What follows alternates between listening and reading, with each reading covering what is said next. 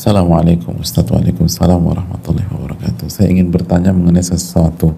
Sudah 9 bulan saya mengalami depresi berat karena satu dan lain hal. Saya sudah berusaha salat taubat, salat hajat, salat tahajud setiap hari. Bersedekah, berzikir, membaca Al-Quran. Salawat, berdoa setiap hari. Dan di waktu setelah azan, setelah asar di hari Jumat. Tapi mengapa pertolongan dari Allah belum juga kunjung datang untuk saya? Bukankah pertolongan Allah sangatlah dekat? Apakah Allah marah dengan saya tapi bukankah Allah maha pemaaf? Saya berusaha memanggil Allah dengan nama-namanya tetapi Allah mendiamkan saya. Saya selalu berusaha berdoa setiap saat karena Allah menyuruh kita berdoa. Tapi kenapa yang saya mendapatkan selalu cobaan bertubi-tubi?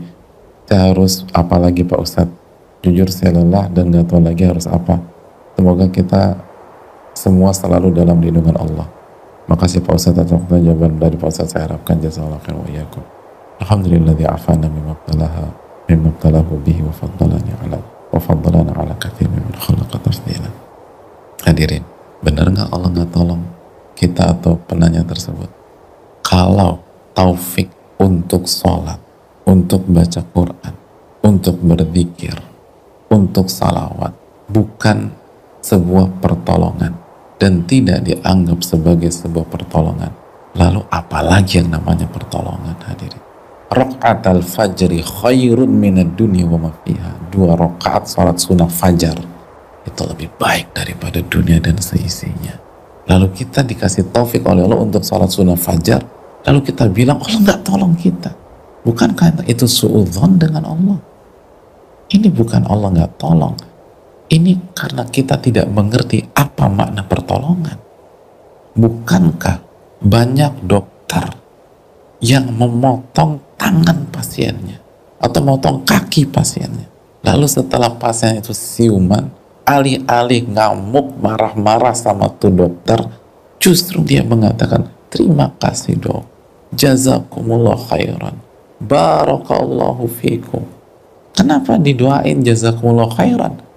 Karena kita semua sepakat itu adalah sebuah bentuk pertolongan untuk menghindari hal yang jauh lebih parah lagi.